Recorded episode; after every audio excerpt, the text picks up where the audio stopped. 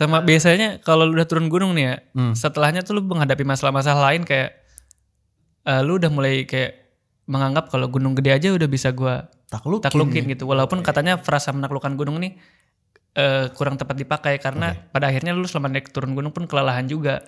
Gitu. Tapi seenggaknya begitu lu menghadapi kayak proyek besar-besaran atau perjalanan panjang, lu udah bisa nanamin dari diri lu kayak gue pernah naik gunung gede kenapa gue takut sama hal beginian? Kayak gitu. Reunion Podcast.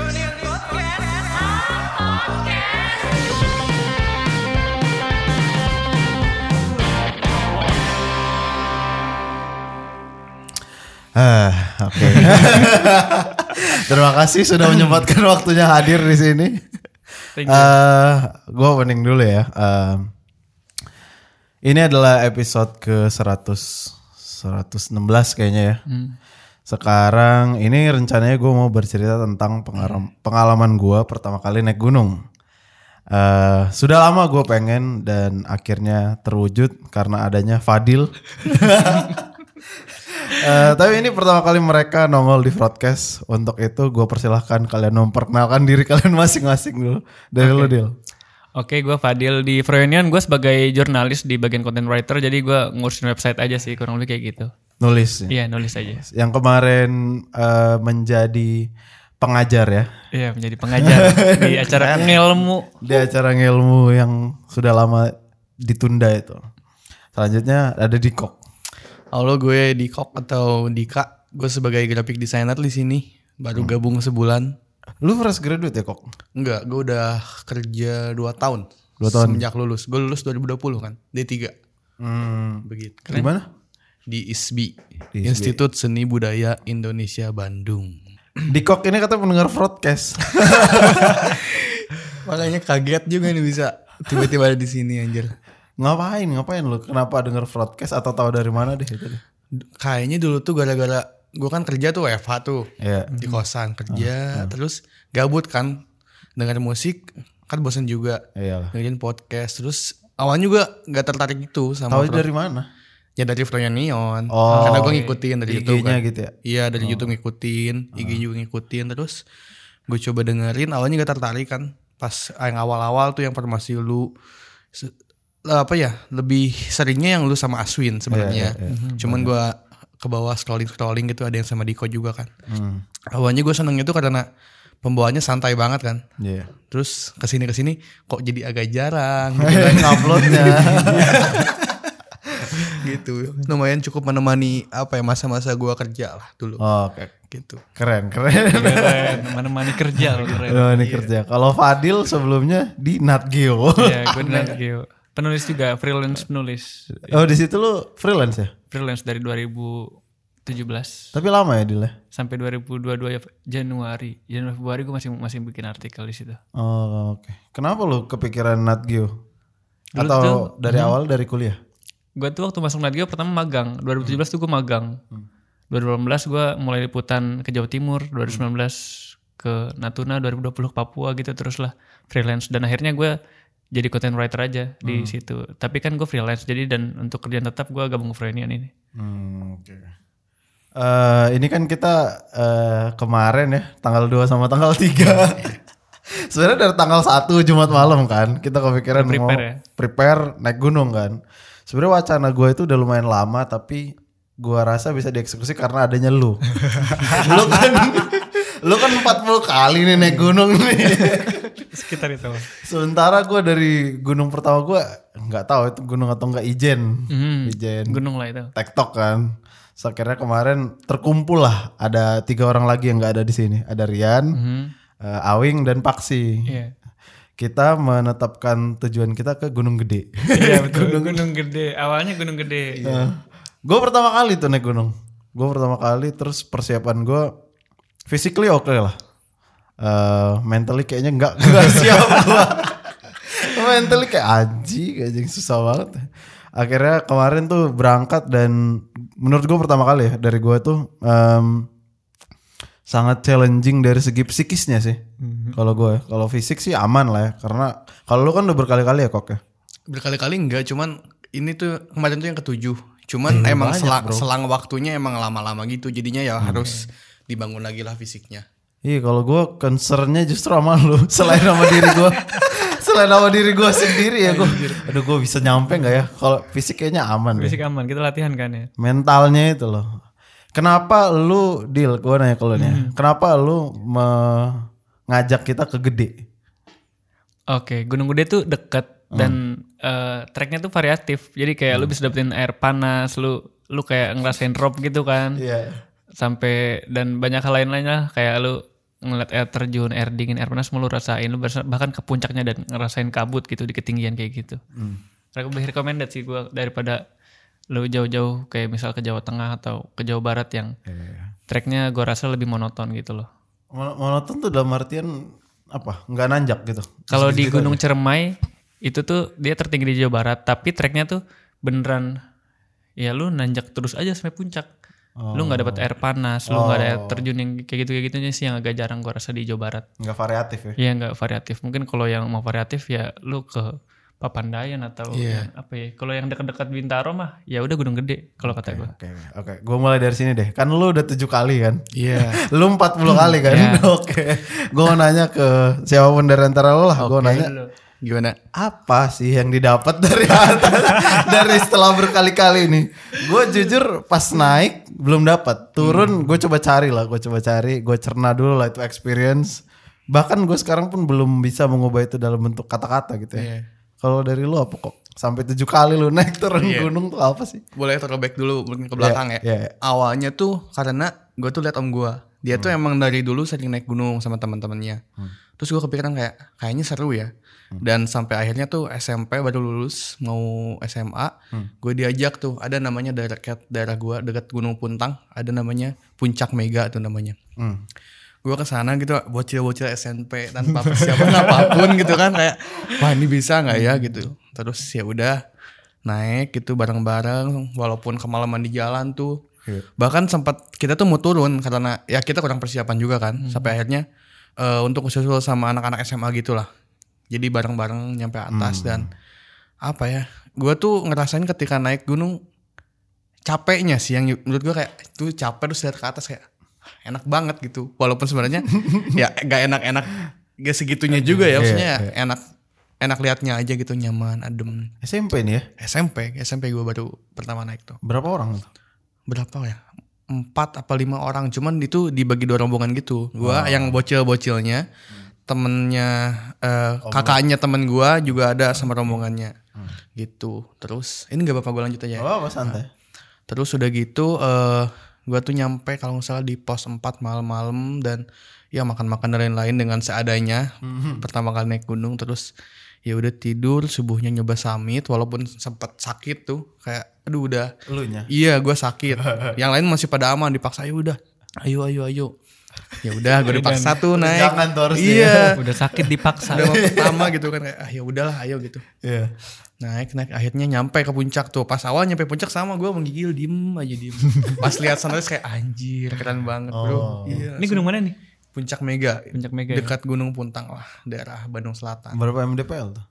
berapa ya gue lupa lagi 2000 berapa gitu Oke. oke. kurang lebih seperti itu pengalaman pertama gue Itu kan pertama. iya Yang bikin lo sampai ak- akhirnya kecanduan apa? nah sebenarnya tiap gue turun gunung dari yang pertama tuh gue tuh nggak mau naik lagi karena karena ya kebayang bro capeknya gimana Iya, gitu kan ya. capek banget gitu cuman entah kenapa gitu ada rasa buat ah pengen nyoba lagi gitu. Karena apa ya? Mungkin gunung di Indo kan banyak banget gitu ya. Terus jadi pengen nyobain ke sini ke sini ke sini gitu sih. Dan apa ya? Ada juga beberapa kali gua ikut sama om gua gitu. Dia ngajak ke ada namanya di Tegal Panjang. Jadi itu tuh Papandayan cuma lewat belakang lewat Pangalengan bareng-bareng teman-temannya. Terus sama ke Sulibra. Ada sama di Pangalengan juga bareng om gua dan ya selebihnya sama temen kadang iseng gitu. Nggak iseng juga gimana ya? Ya sebagian dari liburan lah. Oke. gitu. Tapi oke, gue berarti belum nangkep yang kayak satu momen ketika lo naik gunung tuh hampir spiritual gitu belum? nggak Nggak ada. kayaknya belum sampai situ sih cuman jadi apa ya? Malas gitu buat naik lagi kalau udah turun nih. Tapi selalu ada aja yang bikin ah pengen lagi. Oke. Walaupun pas awal turun pasti ah nggak mau lah. Kapok. Iya, ada kapoknya. Iya. Ini makan- mungkin karena lu kurang banyak kali. Kalau Fadil kan Ya. 40 soalnya. Abangku Fadil. Kenapa Dil? Hmm. Apa yang bikin lu sampai 40 kali naik gunung tuh apa sih? Awalnya gue sama kayak yang tadi di Kokter Ten gue awal naik SMP kelas 3. Terus eh, sambil gue naik gunung waktu kuliah tuh gue di di disindir gini kayak lu udah baca buku Sohoki belum? Lu kan pendaki gunung. Akhirnya gue baca buku di situ dan Sohoki tuh naik gunung buat ketemu masyarakat gitu. Akhirnya ya udah kayak kita kemarin naik ke Gunung Gede kan gue sama orang lain nyapa sama anak kecil tos Iya, gitu. iya, iya, seru tuh. Kayak misal gue di KRL mana mungkin gue tos sama orang gitu kan. Yang random gitu.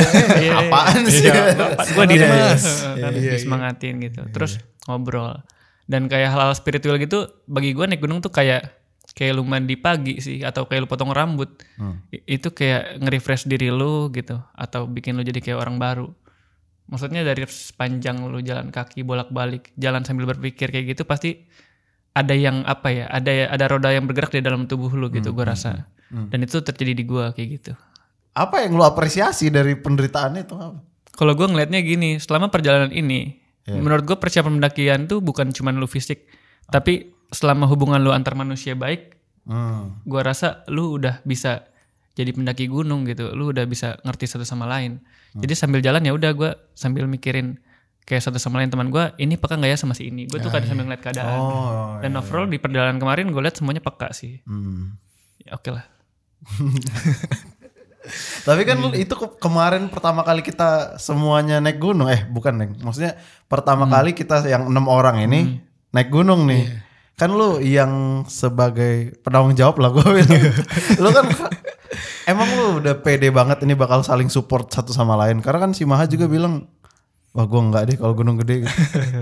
Iya Maha bilang tuh awalnya yakin lu mau bawa orang-orang ini disebutin satu-satu kan Iya. siapa siapa siapa terus gua rasa itu tadi selama gua ngeliat lu yang lu yang naik gunung gua ngeliat bukan kayak fisik fisik tuh bisa dilatih ya Iya, setuju. Tapi kepekaan ini kan eh, ininya panjang ya. Kayak ini tuh orientasi dari lu kecil dididik orang tua lu gimana?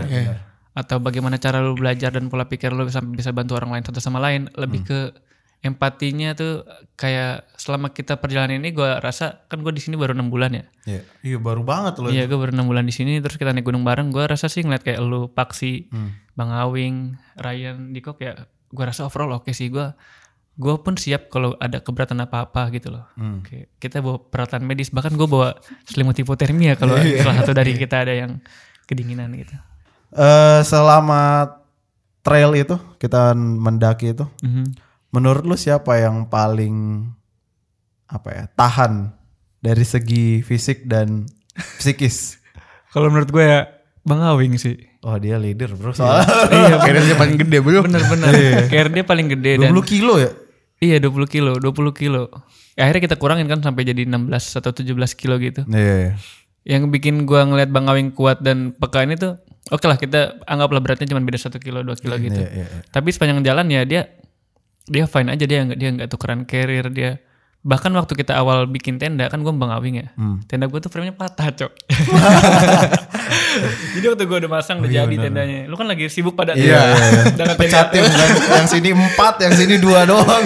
gue berdua bareng Bang Awing lu Iya. berempat kan? Iya. tuh patah nih. Dar. Ah patah bang. Akhirnya bang Awing nyari solusi.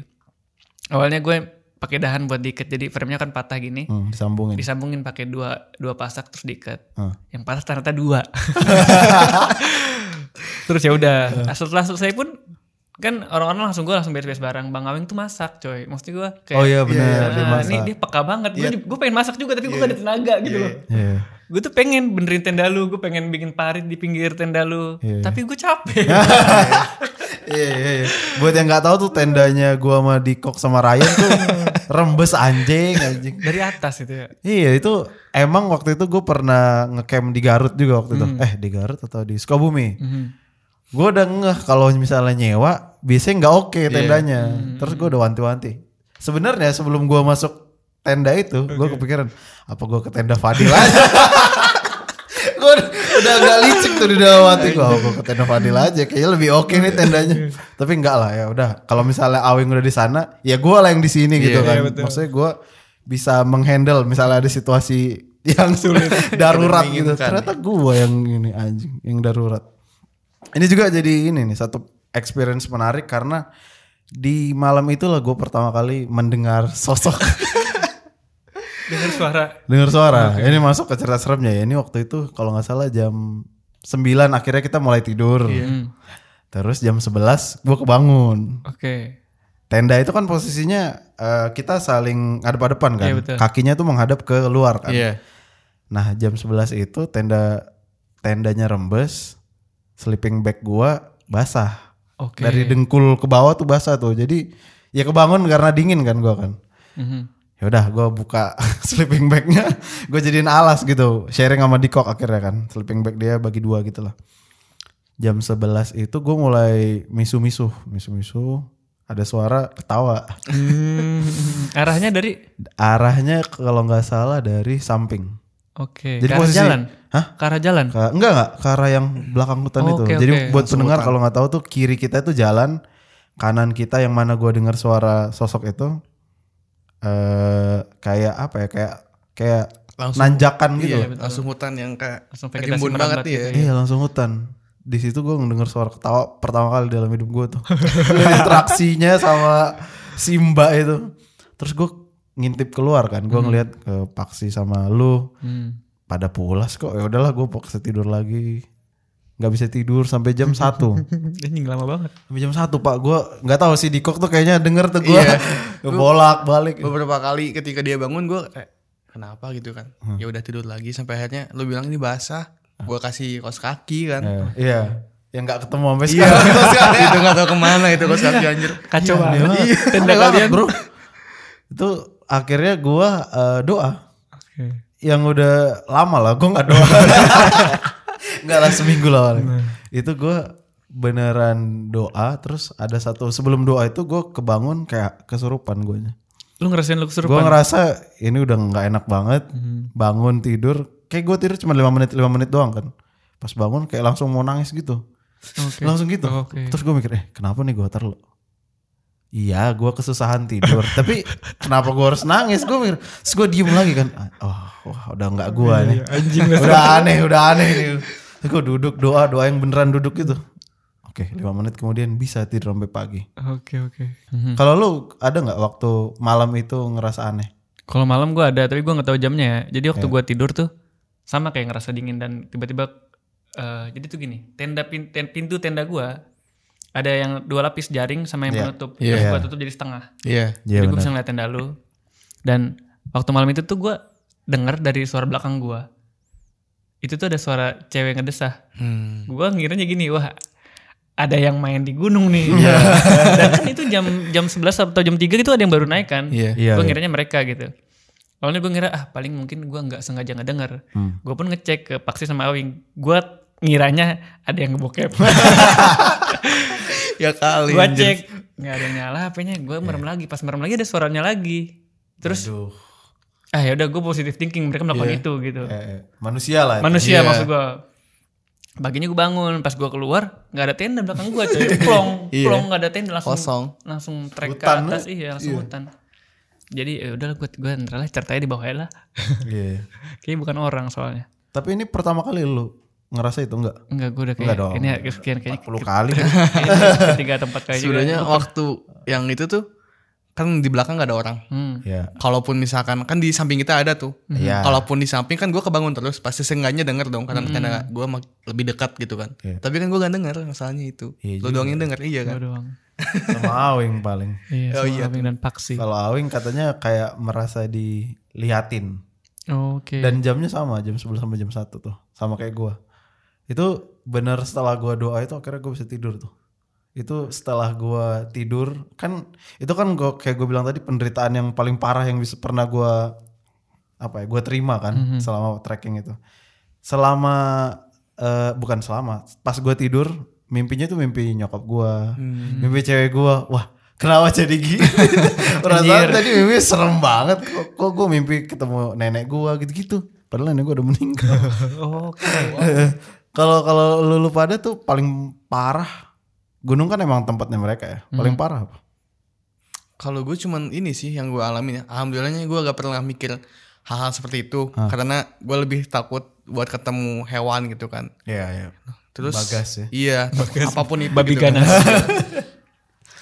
gue lebih ini sih ke kayak dingin gitu-gitu doang nggak sampai ada yang kayak gitu alhamdulillahnya selama naik gitu Sosok gitu enggak ya? nggak nggak pernah Kalau lu Oke. Kalau gua tuh kalau masalah suara gue dua kali. Jadi yang pertama gue di Papandayan tuh pernah ada ini. Jadi gue tidur nih. Posisi gua tuh sebelah kiri gua tuh hutan juga. Sebelah kiri gua hutan. Jadi gua gue tidur di pojok gitu.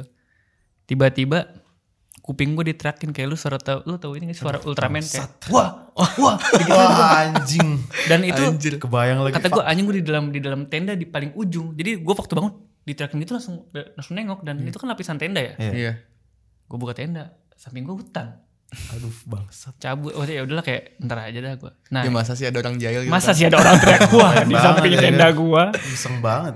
itu satu. Yang kedua suara harimau. Gue dulu di Gunung Argopuro pernah dengar kayak tenda gue tuh ujung tenda gue tuh digaruk-garuk gitu. Ah iya, iya. gue awalnya ngira babi hutan kali ya mau berak kata gue tapi teman gue bilang ya udah tuh biarin aja gitu Oh, lu pada ada bangun dua orang nih yang bangun. Ba- ya jadi di antara tiga orang yang naik dua orang bangun Oke. tiba-tiba ada suara er er wah anjing kata gue ini mah bukan babi terus ya udah kita mikirnya gini ada teman satu teman kita yang satu lagi tidur nih kalau ini nggak kita usir Hmm. takutnya ada momen di mana gue lagi tidur sama dua orang ini eh gue berdua terus yang satu mau kencing tanpa tahu ada suara dari luar Iya. tadi kata kamera kita memutuskan buat keluar berdua buat ngusir Hmm. dan waktu keluar jadi kita tuh waktu naik Argopuro bawa gunung eh bawa ped- eh, golok lah pas Iya, banyak gini Oh, oke. jadi gua megang center sama golok gitu Anjing. tujuannya di hutan tuh kalau lu kan makan sama singa bukan salah singanya karena itu kan tanahnya mereka Iya, iya, benar. ya lu harus bisa survive dah ya ya gitulah akhirnya gue keluar dan kelilingin tenda nggak ada apa-apa yang kedua jadi tuh gini kita masuk di dikelilingin lagi jadi ada suara step ah iya, iya. Wah, suara step terus ada geraman gitu dari luar tenda kita keluar lagi nggak ada bahkan kita sampai kayak agak meng- ngelebar terus eh, puncak Argopuro tuh gini bukan batu tapi dia hutan terus ada pohon-pohon yang tinggi-tinggi gitu Ah, lah iya, 20 iya. meteran gitu Hmm, hmm. kita senterin semua dahan-dahannya karena kan ma- macan sangat mungkin buat di manjat ya. Heeh. masih nggak ada juga akhirnya waktu kita masuk masih dikelilingin akhirnya akhirnya gue memutuskan finalnya tuh gini. Gue nongkrong di luar sama teman gue ah iya. Sampai pagi. agak 10-15 menitan gitu. Gue nongkrong di luar. Kita matiin lampu aja dah maksudnya Aduh. maksudnya kita gue nyesuaiin mata ya. Iya, Takut iya. dengan kita pakai senter kan cahaya lu terfokus di satu lubang Iya. satu bundaran itu. Kalau lu matiin lu ntar kayak penyesuaian lagi. Hmm. pas itu ya udah udah mulai menyesuaiin gue kayak 10 menit 15 menit di luar nongkrong. Dan nggak ada. Akhirnya kita masuk lagi dan itu bukan bukan bukan macan macan bohongan maksud gue macan macan macanan Ah, iya. Macan jadi-jadian lah ya. macan jadi jadian ya itu paling dua suara itu yang yang memorable oh iya iya Dengan pengalaman se menakutkan itu lu masih mau naik gunung tapi ya? tapi masih sih cuman orang-orang terdekat gue tuh berpesan kayak gunung tuh tempat bukan tempat manusia ya Iya, jadi lu harus jaga diri karena mungkin mereka menempel di badan lu atau mereka mengganggu lu sepanjang perjalanan katanya gitu lah Hmm. Ada gak sih peraturan yang tidak tertulis di gunung tuh? Sebetulnya kalau peraturan tidak tertulis tuh lebih ke lu mematuhi apa ya norma dan nilai Manusia aja sosial. yang ya? sama. Karena ya se- sebagaimana lu berjalan di kota atau di rumah lu atau di sekitaran tempat kerja lu Hmm. ya sama. Lu ketemu orang lain lu harus jaga tata krama. Sama jalan di gunung juga gitu lu harus Iya. jaga tata krama dan semacamnya. Makanya waktu kita muter musik agak kencangan aja kita ditegur kan. Oh iya iya. Iya pas kita karena ya. eh, karena dinilai polusi suara mungkin kayak gitu gue pun pernah nggak sengaja kayak kepleset dan ngomong bangsat atau semacamnya Hmm. Mengumpat lah. iya mengumpat dan gue digangguin juga gitu Jadi sesederhana mengumpat aja nggak boleh. iya mungkin ada orang yang menganggap kayak umpatan kan bisa jadi ini ya bentuk eh, kuasa di atas orang di sekitarnya maksudnya itu kan pol, apa ya lu ganggu orang sebetulnya ngomong mengumpat di tengah jalan gitu Oh gitu ya? Heh, misal orang-orang yang hatinya lembut misal kayak gue terusik nih ada orang ngomong kasar di kantor gue oh, iya sih benar. benar. kayak gitu atau Masuk. atau kok dia mengumpat di tempat kok di tempat gua apa dia ngerasa jagoan gitu loh banyak faktor yang bikin orang nggak suka sama orang yang mengumpat kayak gitu Iya, iya. dan bisa jadi lu digangguin karena itu dan atau gua yang pernah digangguin juga Tapi emang gue ngumpat sih banyak. emang gue agak kurang stabil kalau soal itu. emang capek banget sih ya Iya. iya, maksudnya eh, itu. Tapi gue masih mau lagi sih. bisa gue masih mau lagi sih. Nggak nggak nggak nggak apa ya, nggak jerah lah gue. Karena pengalaman yang sangat melelahkan itu anjing. Tapi eh, itulah yang gak enaknya ya. Iya. Fast forward langsung lah kita ke summit.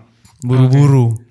Lari-lari nyampe di atas kan jokes kita tuh oke ketika sudah sampai di atas apa yang kita dapatkan gua gua pas eh, nyampe di atas nggak ada euforianya bro Mhm. hambar kayak hambar aja selalu Mana ya kabut juga kan. kabut juga maksudnya udah gitu kan kita diburu waktu ya Iya, betul. kita di atas cuma 30 menit kan Datang ke atas beli pop mie. dan datang beli pop mie gitu. Kalau dari lu apa sih yang lu rasain setelah kita diburu-buru waktu naik gitu? Sebenarnya pas dari awal kita mau naik gitu kan. Hmm. Fadi udah bilang katanya kita kan itu ke Pangrango tuh. Ya. Cuman kayak ini kayaknya nggak possible Nggak nih kalau kita ke iya. atas nih gitu Iya. kan. Gimana caranya kayak ah, ya udahlah kalau tetap mau puncak kita gede aja. Hmm. Ya udah gue mikir kayaknya keburu nih sampai puncak. Tapi gue nggak mikirin kita turun gimana. Kayak ah, ya udahlah naik dulu gitu kan. Iya. Tahu-tahu gitu kan nyampe atas jam 3 Bener kan Iya, nyampe tiga puncak sore, Jam 3 iya. pas kan. Iya. Nyampe istirahat dulu makan-makan. Padahal di puncak gak nyampe sejam gak sih nggak Nggak nyampe sampai, kan kita doang kayak cuman makan gitu foto-foto doang Iya. ya udah gitu turun lagi cuman apa ya seenggaknya senangnya tuh ya seenggaknya kita bisa berhasil sampai puncak Iya sehat gitu Benar. semuanya aman walaupun ya awal-awal ada paksi yang kram dan lain-lain tapi Iya. kita aman gitu sampai atas Ap- eh, ada bentuk apresiasi lain yang lo lakukan nggak ketika lo sampai puncak biasanya?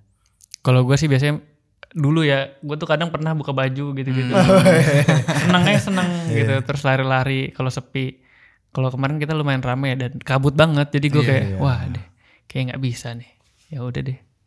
Ba- bahkan itu nggak, gue sih ngerasanya pas di atas tuh bukan sesuatu yang kita apresiasi gitu loh. Eh, maksudnya ke gue pribadi ya, nggak sesuatu yang seremonial, sorry, bukan seremonial karena gue fokus mikir gimana pulangnya. Iya, itu PR banget sih.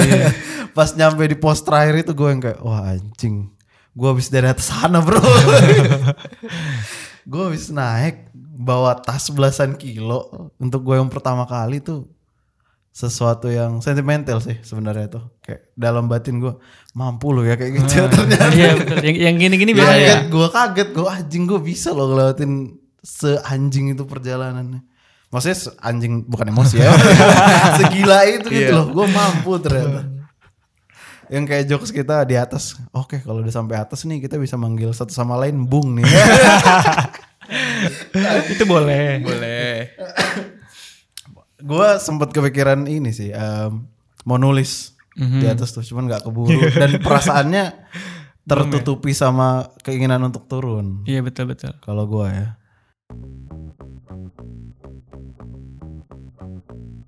Lebih capek naiknya apa turunnya sih turunnya sih. Ah, kenapa turunnya? Kenapa Nah. kenapa kenapa? Gue juga setuju kalau sebenarnya kan kalau naik kita niat ah kita naik kita udah punya tujuan mau ke mana kan kayak Ya. ngecamp dan ke puncak. Kalau turunnya kan yang penting kita balik dan benar kata Mas Awing kita turun bukan pakai tenaga tapi udah pakai tekad kayak ya udah mau mau gimana pun yang penting nyampe bawah gitu kan.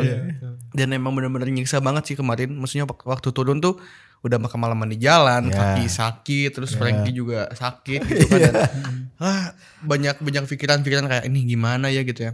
Maksudnya kan gue juga maksudnya di depan bukan pengen dulu duluan nyampe sebenarnya. Bercandaan. Nah, ini nih.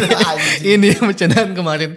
Wah Diko egois egois. Padahal bukan- maksudnya ah gue pengen di depan nih biar kan gue pelan nih maksudnya gini nyantai gitu kan bareng-bareng terus gue juga sebenarnya itu udah bawa ini bawa gunting gitu. Kalau- antisipasi takutnya ada apa-apa karena iya, kita kan gak ada iya. yang bawa golok tuh. Nggak ada nggak ada. Iya dan pas gue di kalian kan berempat di belakang Iya. ya gue sama Mas Awing di depan tuh. Pas turun Mas Awing kaget pertama lihat pohon ada putih-putihnya dikirain apa kan? Ternyata cuman pohon doang.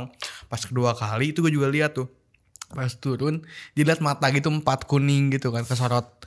Kayaknya sih luwak atau apa pun itu gitu ya. Gue juga lihat cuman pas Awing lihat empat gue cuman lihat dua doang gitu. Udah.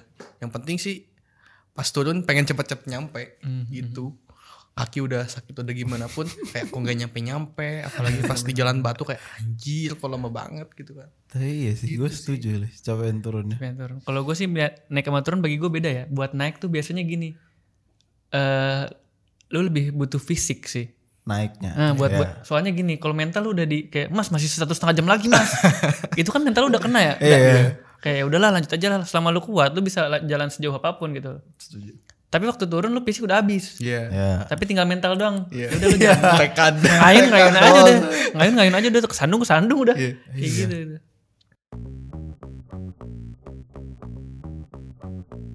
eh gua mungkin akan merangkum eh bukan merangkum sih melempar pertanyaan terakhir sih buat kita semua dan menutup podcast ini.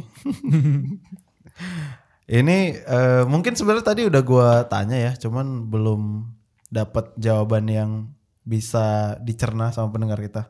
Sebenarnya pertanyaan gue tuh apa ininya, apa enaknya naik gunung? Apa enaknya? Kalau gua tadi pertanyaan jawaban gua adalah eh ketika lo naik gunung itu pelajaran hidupnya bisa dipakai di bidang apa pun gitu loh. Di kerja lu bisa pakai itu, di eh, relationship bisa lu pakai itu.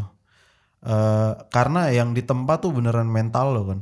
Kayak cara lu ngehadapin badai apa pun yang akan datang sama lu tuh kayak lo harus tenang, lu nggak boleh ngeluh, lu tetap apa ya? eh, tenang lah.